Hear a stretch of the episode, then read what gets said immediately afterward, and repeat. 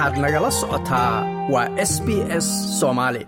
duulgariirka waddanka turkiga iyo siriya ka dhacay ayaa dadkii ku geeriyooday waxa ay kor u dhaafeen afartan iyo saddex kun iyadoo la sheegayo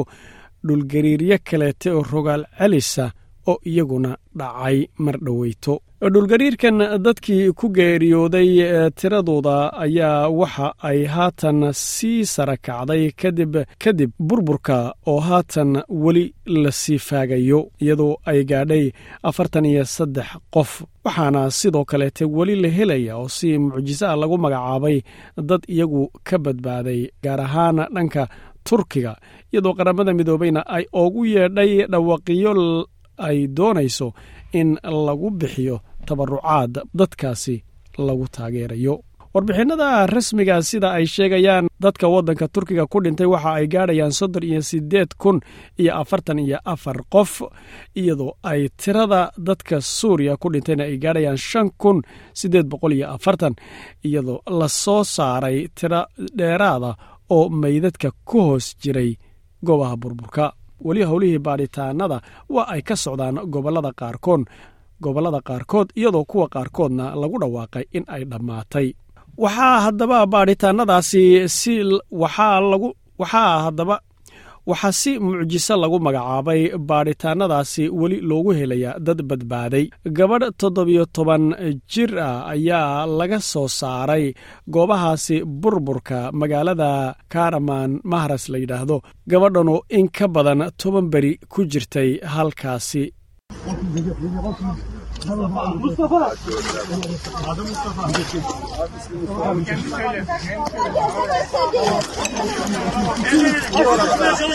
dhawaqaasi aad maqlaysana waa badbaadadeedii dadkii ku faraxsanaa balse sheekooyinkan badbaadada ayaa haatan waxa ay noqonayaan kuwa aad u sii yar iyadoo uu aad u sii dheeraanayo wakhtiga dhulgariirkii laga joogo dhinaca kaleete dad aad u fara badan ayaa waxa ay noqdeen guryala'aan iyagoo baahi weyn ay u hayso inay helaan guryo ku meel gaadha oo teendhooyina oo ay ka galaan qabowga iyo dhibaatooyinka dhacaya. Balse waddanka siiriya magaalada la yidhaahdo al talow la yidhaahdo ee u dhow xuduudka waddanka turkiga dhibaatooyinkii iyo musiibooyinkii sii haystay ee dhulgariirka uu sababay ayaa waxaa sii dhammaystiray daadad halkaasi ku soo rogmaday. Dadka iyagu maxalliga ah ayaa waxay hadda ka hor arkeen daadadkani intaynan imanin goob biyo xidheena oo iyadu kala dildilaacday una dhoweyd goobtaasi dadku ay ku dhibaatoobeen halkaasi oo kadibna lagula degdegay in la saaro jawaana ciida. Haweenaydan waxa ay sheegaysaa in roobab aad u waaweyn kadib markay da'een webigii uu buux dhaafay iyadoo halkaasna daadad ay sababeen kuwaasoo qaaday guryihii dumay intii ka hadhay kuna firdhiyey magaalada gudaheeda biyo aad u wasakh badan oo u madow. Haweenadaasoo hadlaysa waxay tidhi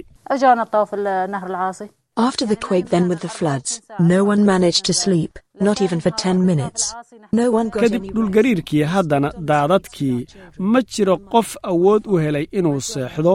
ma jiro xataa toban daqiiqo ma jiro qof wax nasasho ah helay waxaannu deggannahay buu yidhi jidadka oon la deggannahay carruurtayada hooyooyinkanna aabbahayo walaalahayaga wiilasha ah walaalahayaga gabdhaha ah sidoo kaleetana dadka deriskayaga ah dhammaantayo waxaan hoos fadhinaa roobabka iyo qabowga ayay tidhi haweenaydaasi dhanka waqooyiga siiriya magaalada la yidhaahdo jenderis waxaa ku soo kordhay howlaha xaditaannada. Mid ka mid a dadka halkaasi deggan oo maxamuud sabri la yidhaahdo waxa uu sheegay dadkaasi wax xadaya inay haatan bilaabeen markii ugu horraysayba inay xaditaanka bilaabaan wakhtigii hawshu ay bilaabatay. Wuxuuna yidhi waxa ay xadayaan qalabka sida friijka mashiinta dharka lagu dhaqo lacagta dahabka iyo wax kasta oo ay helaan. Waxay qaadanayaan wax kasta oo ay helaan mana ogin buu yidhi meesha ay ka imaanayaan dadkaasi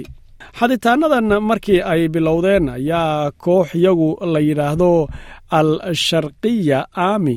waxay ku ballanqaadeen si iskaa wax u qaba ah in ay waardig adag qabanayaan. Maxamed abustayf oo ka mid ah xubnahaasi waardiga samaynaya waxa uu sheegay in ay qaadeen howl ku saabsan afar iyo labaatan saac oo waardiye ah oo ay shifti ku galayaan iyadoo ay ku ilaalinayaan